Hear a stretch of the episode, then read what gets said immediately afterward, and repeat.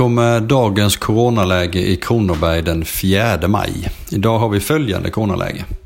Antalet konstaterade fall är uppe i 354. Det var 332 i lördags.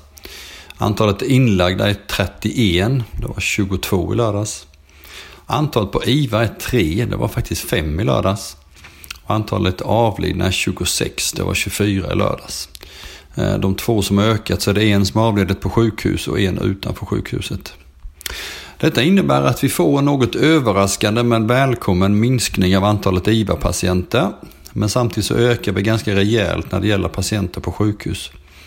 Vi har tidigare följt Västra Götalands kurva ganska väl men nu ökar vi mer än de gällande sjukhus men minskar jämfört med IVA-patienterna.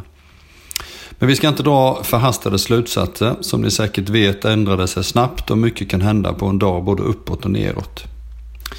Idag har vi annars haft mest interna möten. Imorgon kommer vi ha regionstyrelsens arbetsutskott. Det blir naturligtvis mycket fokus på corona men även på trafikupphandlingen som ska diskuteras.